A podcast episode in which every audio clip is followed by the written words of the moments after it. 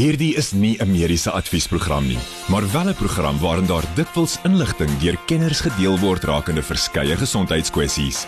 Vir persoonlike raad of advies, raadpleeg jou mediese dokter of sielkundige. Groot trauma met Pieter Kloete en dokter Jaco van die Kerk op Groot FM 90.5.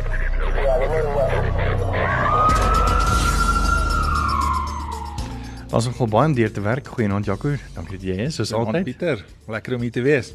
Kom ons begin sommer met ehm um, die swaar nuus of die slegte nuus wat jy met my gedeel het vandag is dat daar letterlik een dokter vir elke 3198 staatspasiënte in Suid-Afrika is.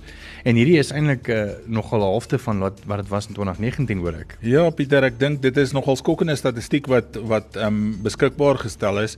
As ons gaan kyk na 2019 was daar 0,79 dokters per 1000 pasiënte in Suid-Afrika en dit het verminder na 0,31 dokters vir elke 1000 pasiënte.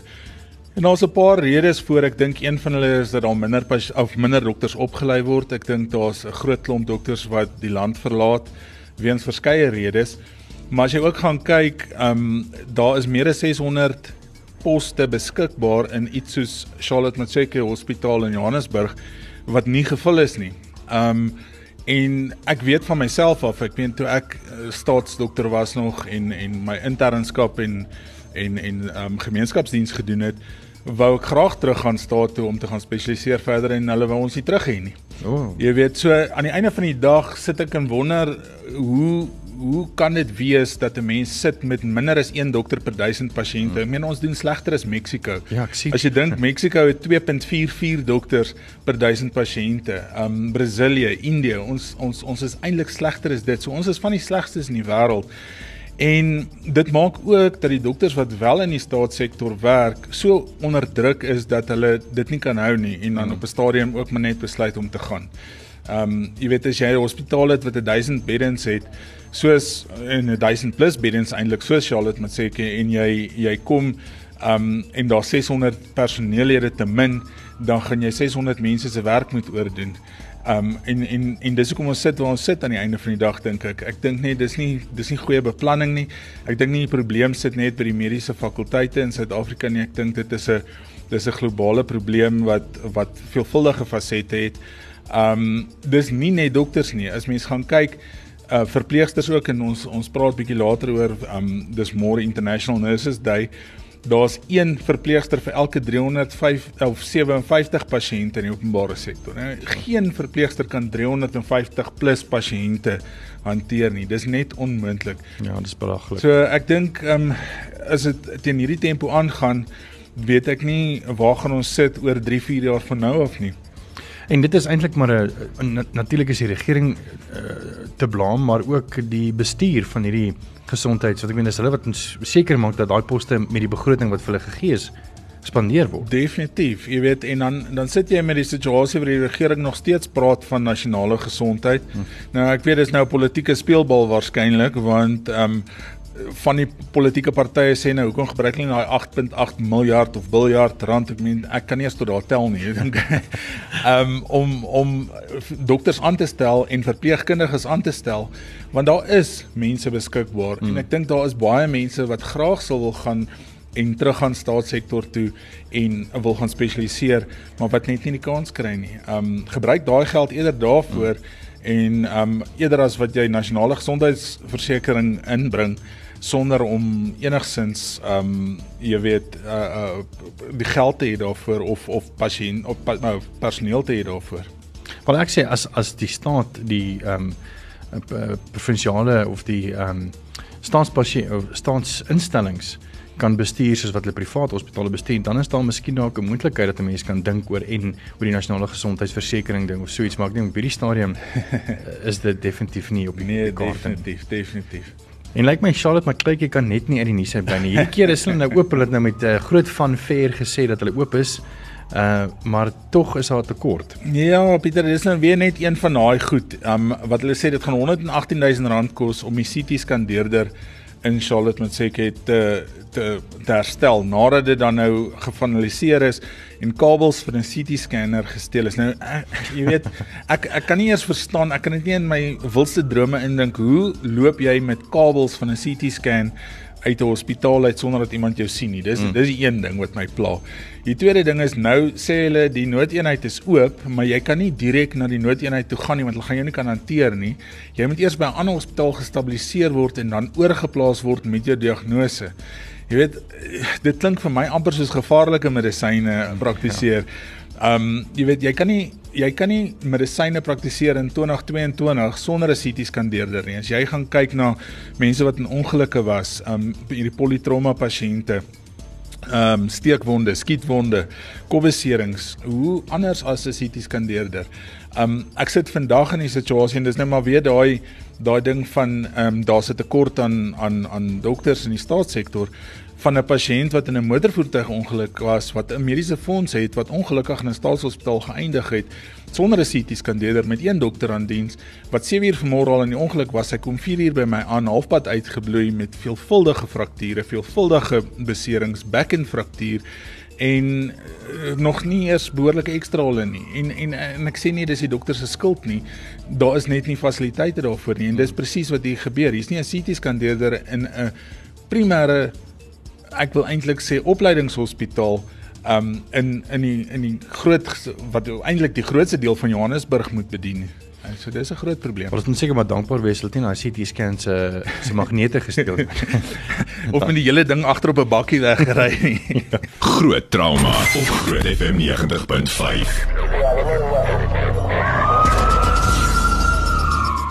Ons gesels 'n bietjie verder oor nuusgebeure en uh, môre vier ons internasionale verpleegkundige dag of International Nurses Day and we are very appreciative uh, to chat to Teresa Basson she's a sister and uh, she also heads up the campaign the exceptional nurse Teresa thank you for being here Thank you so much for having me on your show.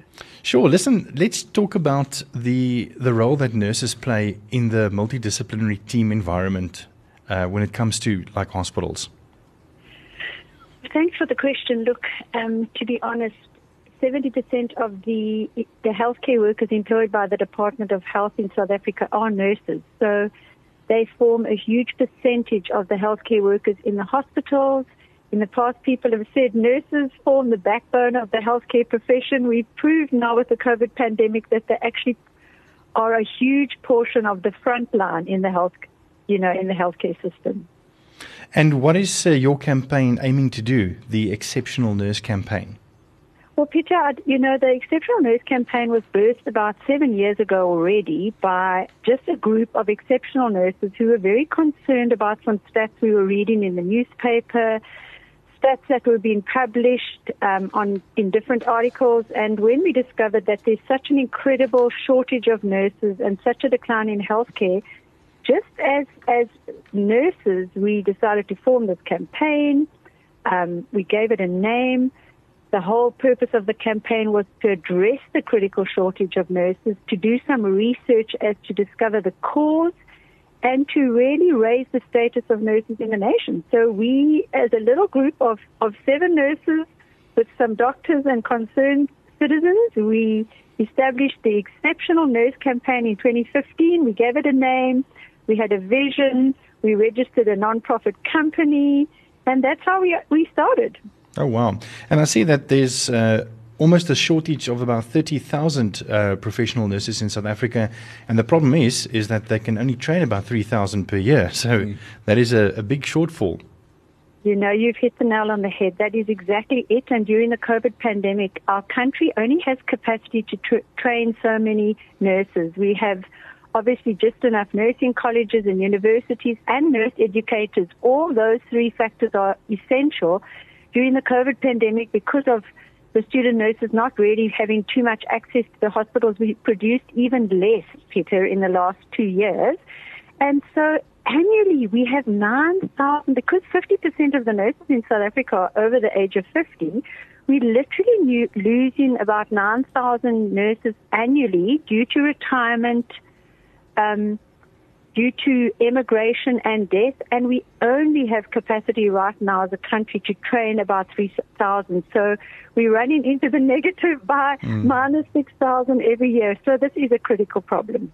Well, listen, this is your time. If you would like to say something inspirational to all the nurses out there for tomorrow's International Nurses Day.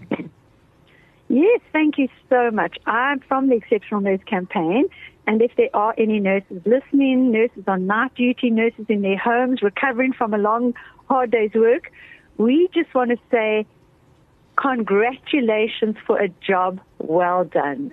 We just want to honor you as the nurses of our nation. As I said, not just the backbone of the healthcare profession, but the front line. We just want to say to the nurses of our nation, thank you for being brave.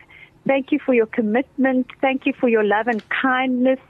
I always say to people, compassion and kindness is the best medicine. So tomorrow, I'm saying to the nurses of our nation, let's have a lot of fun.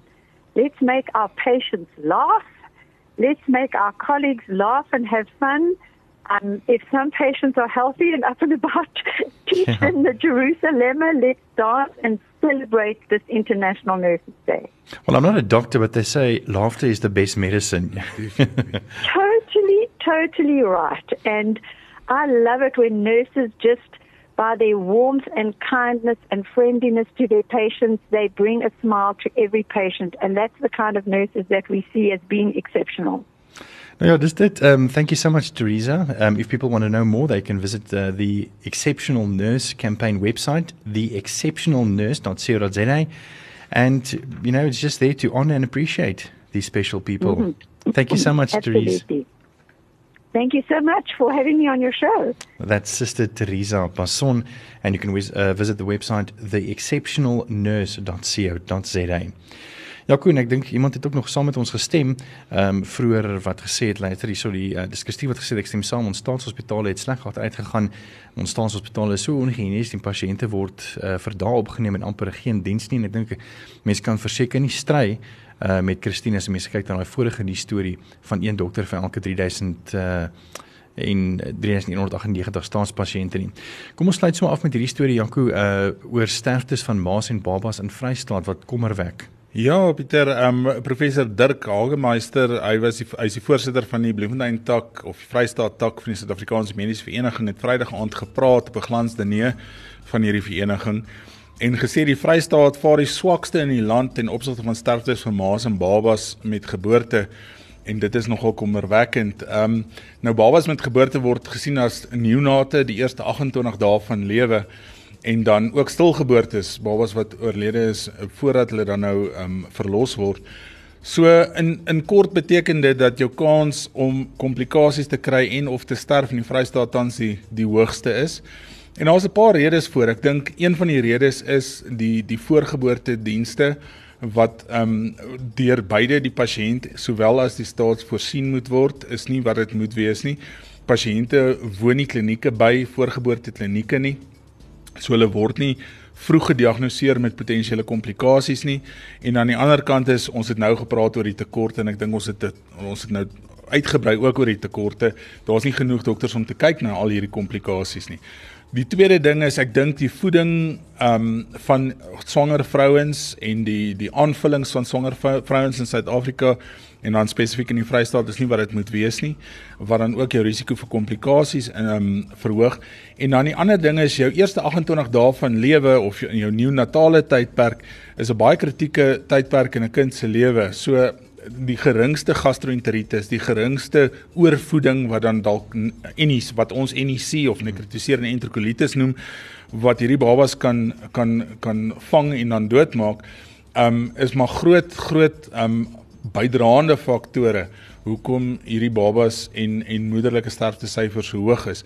So ek dink daar's veelvuldige goed wat 'n mens na kan kyk om dit te probeer verbeter in die toekoms, maar dit is nogal kommerwekkend om te sien dat um, ons sterftesyfer so hoog is vir ma's en babas in eers 28 dae van lewe. Net hierdag gesels ons 'n bietjie oor boelies. So ons wil jy jy moet ook saamgesels by 061 610 4576 en onthou staan daar tariewe geld. Groot trauma op Groot FM 90.5. Dis lekker dat jy hier is. Dis 'n groot drama. Ek is Pieter Kloete saam met Dr. Jaco van die kerk en ons gas vandag of twee gaste in die ateljee is Salome Morkel en sy is 'n opvoedkundige sielkundige en uh, sy is daarso by Laerskool Constantia Park en uh, daai ander titel is nogal 'n baie to groot tongknoper maar die mense by die skool ken haar nie as dit nie. Hulle ken haar net as Tannie Salome, maar sy's 'n leerder ondersteuningskoördineerder. Jaco sê dit bietjie vinnig. Nee, kyk, ek is te bang om dit te sê. Ag, die mense dalk agterkom ek sukkel met Afrikaans ook. En ek dink um, as 'n mens wil weet hoe hoe dit met ons kinders gaan, dan dink ek daar's nie 'n beter persoon om om mee te gesels as iemand wat letterlik elke dag met kinders se siege werk nie. So dankie dat jy hier is. Ons gaan 'n bietjie later gesels met 'n baie 'n brawe meisie, Rochelle Burger en uh, sy was geboelie, maar sy gaan nou opstaan en ons gaan 'n bietjie meer hoor oor haar en uh, wat boelies uh, aan haar gedoen het en die meer so bly gerus ingeskakel vir dit. En as jy wil saamgesels, jy's meer as welkom. Ons WhatsApp nommer is 061 610 4576 onthou standaard tariewe geld. Ek dink voor ons afskop met boelies, ehm um, Salome 'n bietjie meer oor wat het COVID-19 aan die siege van kinders gedoen? Ek meen kinders gaan skool toe want ja, die ouers wil hê hulle moet leer, maar eintlik gaan hulle skool toe want hulle wil 'n bietjie sosialiseer en saam met maats wees en COVID het dit vir hulle gekneelter. Ja. Ja, so iets wat ek uh, dadelik agtergekom het na die inperking toe ons teruggegaan het skool toe is dat daar baie meer kinders was wat aan angs gelei het en selfs kinders wat depressief geraak het. Um kinders het heeltemal verleer om te sosialiseer. So konfliksituasies was vir hulle baie erger as wat dit oor die algemeen is. Um hulle het gesukkel met die met die nuwe struktuur nie, daai wat hulle eendag skool toe gaan het, eendag af. Dit het hulle heeltemal onver gegooi. Um as jy hou mos maar van rotine. Dit is die ding. As jy maar net kan dink aan nou hierdie weke wat ons gehad het met al die vakansie dae, hoe te mekaar het jou mm week gevoel omdat daar vakansiedag was? Die kinders het dit elke dag beleef. Sure eendag is ons in dit en die volgende dag is ons nie meer daar nie. En hulle het onsekerheid gehad van die huise kant af ook. Baie ouers wat werk verloor het, ouers wat angstig was by die huis, ehm um, geliefdes wat siek was of wat gesterf het. So die kinders het regtig ehm um, psigies daaronder gelei ook. Ehm um, dit is iets wat ons gereeld aanspreek, maar dit het regtig toegeneem, die angstigheid en die de depressie eintlik. Ehm um, ook omdat kinders baie ehm um, moes op skerms besig wees. Hulle hmm. het ge hulle het um online skool gegaan. So dit was al sprekenaars of hulle het heeltyd TV gekyk, tablets. Um en en dit weet ons het ons het ook maar 'n invloed op die kinders se se emosionele welstand. Dink jy die dra van maskers het ook 'n tot 'n mate bygedra tot angs want ek meen nou kan hulle nie regtig die, die gesigsuitdrukking van is die persoon gelukkig is hy baie kwaad uh en die meer dat dit miskien ook dit 'n bietjie verbloem Ek dink so, dit maak my onseker. Hmm. Want ek kan iemand se gesig lees nie. So ek seker dit sal 'n kind onseker maak. Ehm um, en baie kinders het het begin mompel. Oh. Nee, dit was regtig onderwysers wat kla dat spraak agteruit gegaan het. Ehm um, want dis agter die masker en ons het baie kindertjies gehad wat byvoorbeeld hulle maskers gekou het aan die binnekant. Wat? Of gelek het of of sulke goed en dis maar tekens van angstigheid ook. Nee. Ehm um, en in die begin was hulle bang. Hulle was bang vir die siekte. So hulle wou dit nie afval nie. Mm. En jy voel benoud met dit en dit is 'n onbekende ding en jy weet nie hoe lank gaan dit aanhou nie. So ja, al daai goeters het maar 'n invloed gehad. En ek dink is waar wat jy sê, kinders het baie meer tyd gekry op uh, voor hulle skerms en dit beteken weet baie meer op sosiaal of sosiale media om bietjie daai koneksie te hê met vriende en en die meer, maar dan ook dan natuurlik die die die die groot ehm um, invloed van boelies uh, en kiberboelies. Ons gaan 'n bietjie daar gesels 'n uh, bietjie later ja. en dan ook oor fisiese boelies natuurlik ook want dit het ook natuurlik 'n groot rol. So as jy enige vrae het, laat weet vir ons of enige uh getuienisse dalk by 0616104576 onthou standaard tariewe geld. Nou is tyd vir jou mediese mite minuut. Nou ons gaan vanaand praat net verder oor boelies en ek dink mense dink baie keer aan boelies as net jong kinders en en laerskoolkinders dalk wat mekaar boelie. Maar ek dink mense vergeet dat dit op hoërskool voortgaan, dit gaan op universiteit voort en dit gaan by die werksplek voort. So daar's ook volwasse mense wat sukkel met boelies by die werk en ek dink nie mense moet dit vergeet nie. Ons sien dit baie keer maar in die trauma eenhede die mense wat inkom met hierdie major depressie, angsversteurings, angsaanvalle, selfmoordpogings selfs. Ehm um, nie net onder kinders nie, maar onder onder volwassenes ook. So mense moenie vergeet dat boelies eintlik maar oor die hele spektrum van die samelewing is nie. Groot trauma op Groot FM 90.5.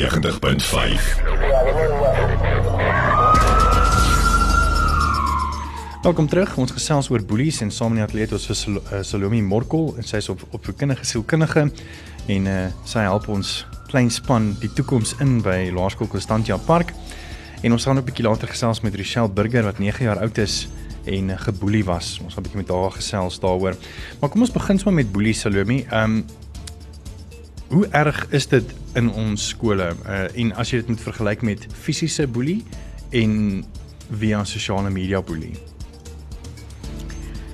Ehm um, ek dit is erg. Ek dink nie noodwendig dis erger as wat dit altyd was nie. Ek dink mense is meer bewus daarvan. Ehm um, so dit is iets waaroor daar meer gepraat word. Dis belangrik om te weet dat kinders moet sosiale vaardighede ontwikkel. So konfliksituasies is vir hulle moeilik soos vir enige ander mens ook. Ehm um, en dan kan hulle baie keer dink dit is boelie. So is belangrik om te sê wat is boelie en wat is nie boelie nie. Hmm.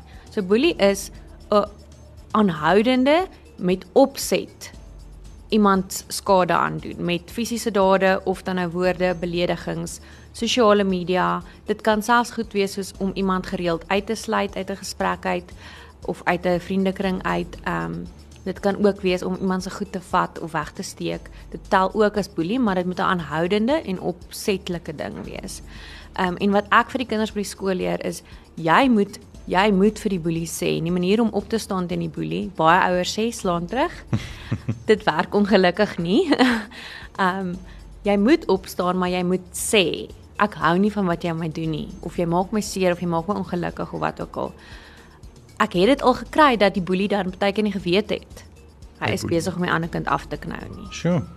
So dit is hoekom dit belangrik is om dit hardop te kan sê daar's ook altyd bystanders. Daar's altyd kinders wat dit sien. Baie keer sien onderwysers dit nie. Die boelies is maar goed daarmee om dit mm. agteraf te doen.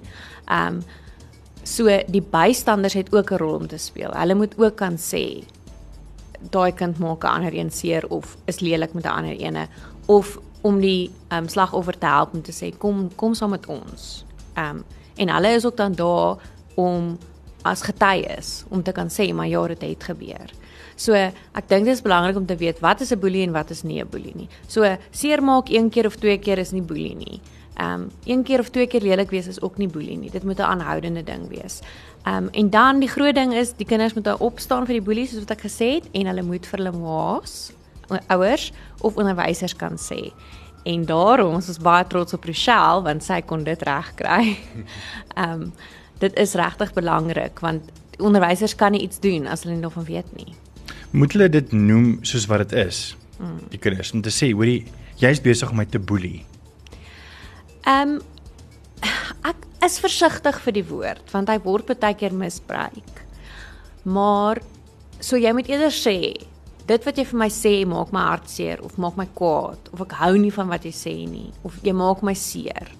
Ehm um, jy kan sê boelie, jy kan sê boelie, maar ek is versigtig vir die woord omdat hy baie keer verkeerd gebruik word. Mm. Ja. En ons gaan 'n bietjie gesels met uh, Rochelle en um, ek dink Jaco, jy kan sommer ja. 'n paar vragies vra.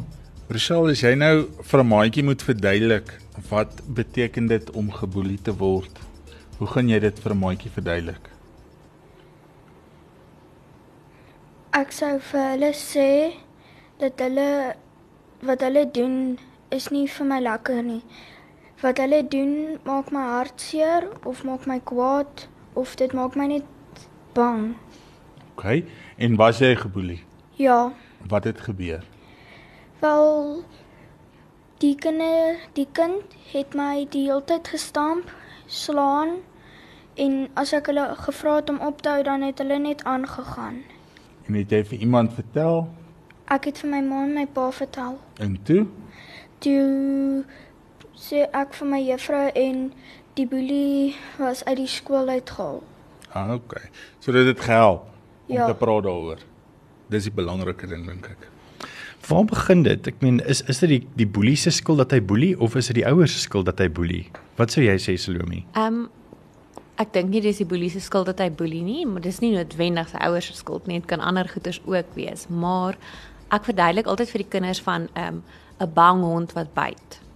So agter die aggressie is daar altyd ander emosies. Ehm um, hartseer, eensaamheid, bang, al daai goed. En dit is hoekom kinders boelie. So dit kan wees dat daar 'n ouer boetie of sussie is by die huis wat afknou. Dit kan wees dat hulle op 'n ander plek voel hulle ehm um, is blootgestel. So ja, ek dink nie dit is die boelie se se skuld nie en daarom moet ons ook aandag gee aan die boelie self en hmm. kyk wat is die wortel van die kwaad. As ons dit kan aanspreek, dan kan ons die gedrag verander. Ons is selfs net nie nou weer ver oor uh, verder oor boelies en ehm um, jy kan saamgesels 0616104576 onthou standaard tariewe geld en ons 'n bietjie kyk na die na die kommentaar wat deurgekom het en dan ook onthou vir vrae vir Jaco as enige mediese vrae jy meer as welkom nou vir ons te stuur vir die einde van die program ook op ons uh, WhatsApp nommer. Met die volgende program bo Groot FM 90.5 om jou as luisteraar met die nodige inligting oor 'n spesifieke onderwerp te voorsien. Alhoewel hierdie inligting dikwels deur 'n kenner op die gebied gedeel word, word jy aangemoedig om jou mediese dokter of sielkundige te besoek vir persoonlike advies of raad. Groot trauma met Pieter Kloete en dokter Jaco van die Kerk op Groot FM 90.5.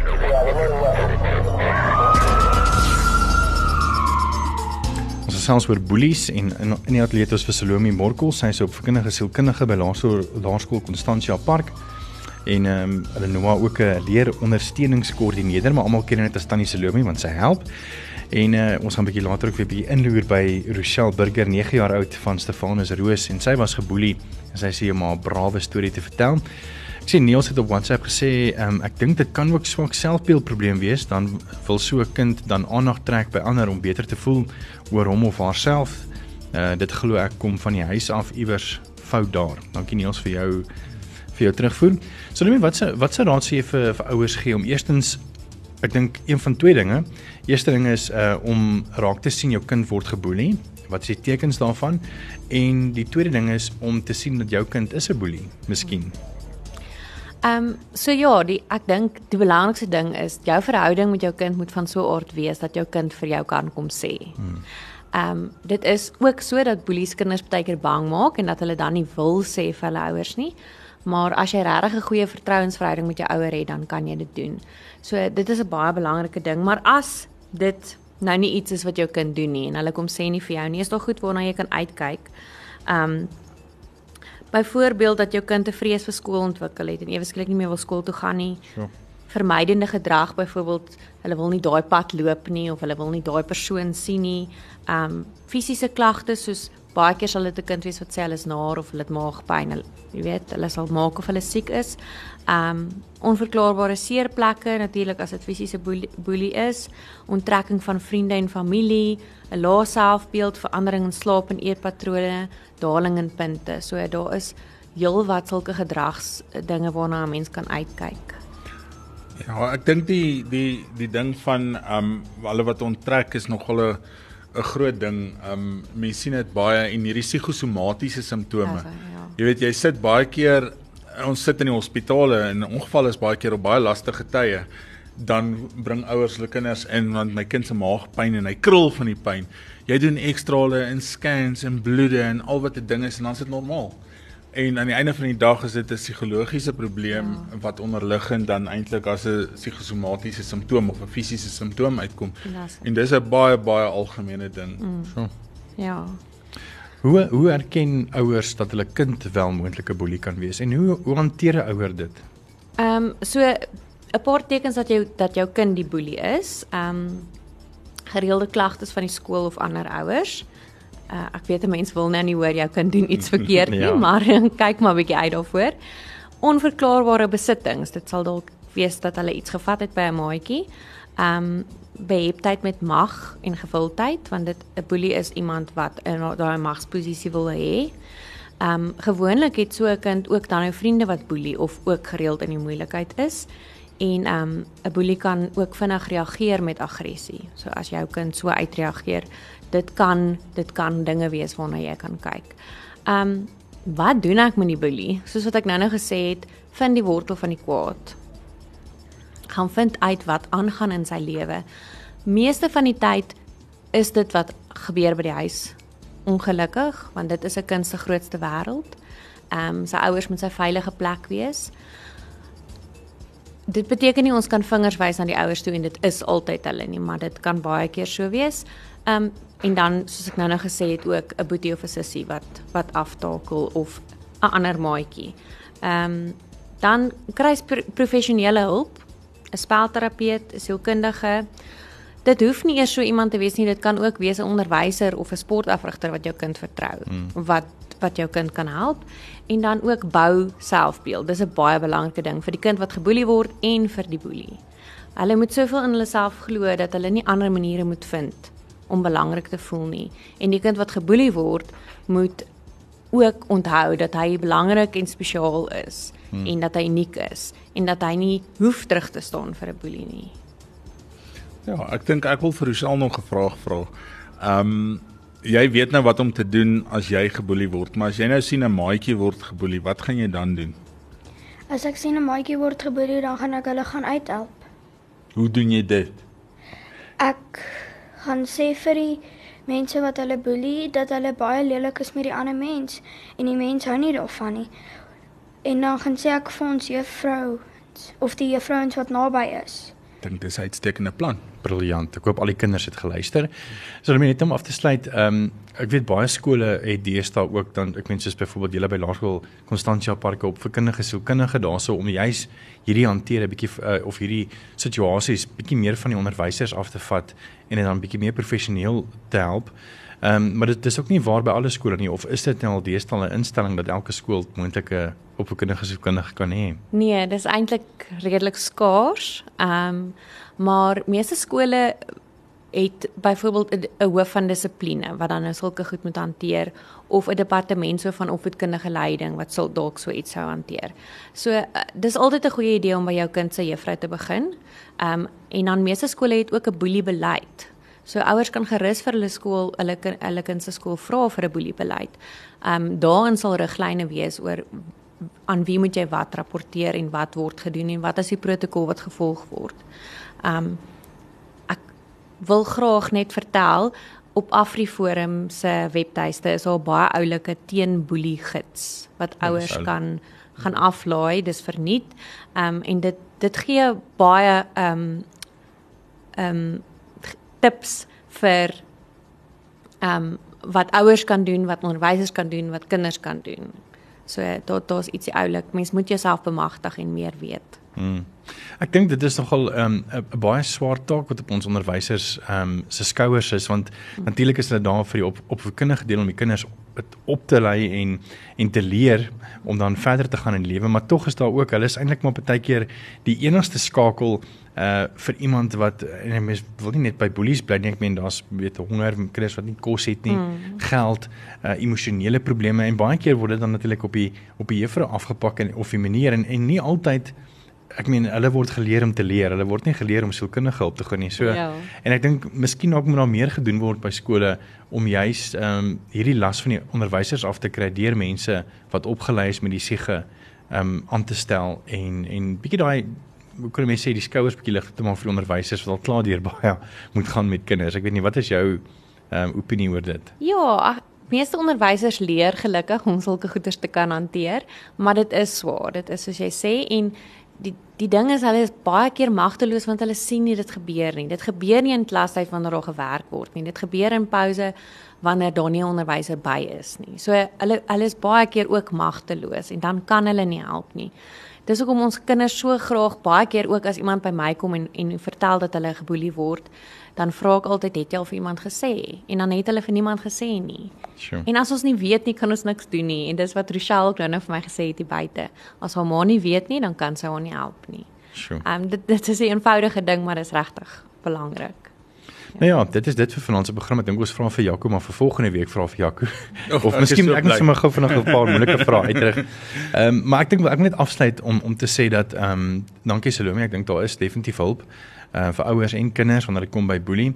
Maar ek dink as as jy nou luister en jy's 'n nou ouer met 'n kind in 'n in 'n in 'n skool, hoërskool of laerskool, uh, as jy onderwyser is en selfs as jy op 'n bestuursvlak of 'n bestuursliggaam is, dink ek dis nogal belangrik dat jy bietjie ehm um, gaan gesels met die hoof en uh, weer begin om dat hulle van laerskool af weet as daai graad eentjie inkom weet dat as die hoof en die personeel instap dan staan die seuns as die juffrou by die klas instap dan staan die seuns weer daai klein goedjies um, om verandering aan te spur vir 'n latere stadium in hoërskool jy weet um, van as 'n meisie swaar dra dan help ja hmm. en daai ding jy weet uh, vir bietjie meer dissipline en respek vir mekaar ja. dink ek. So dis dit. Ja, ek dink dissipline is belangrik, maar ek dink kommunikasie is net so belangrik. Um kommunikasie tussen ouers en hulle kinders want mense praat nie meer met mekaar nie. Hulle sal daar in dieselfde geselskap sit en met mekaar oënskynlik kuier, maar almal is op hulle eie foon of op hulle eie een is op die TV en een is op die foon en een is op die tablet. Um en niemand praat met mekaar nie. As jy goeie kommunikasie tussen ouers en kinders het of in die gesin het, dink ek um gaan die gaan die kinders baie meer openlik wees teenoor hulle ouers en as hulle ouers meer toeganklik is en nie ja. afgaan oor enige dingetjie nie, mm. dan gaan die kinders ook makliker goed kan vertel vir die ouer en nie bang wees oor wat die gevolge daarvan gaan wees nie. So kommunikasie dink ek is baie belangrik. Ja.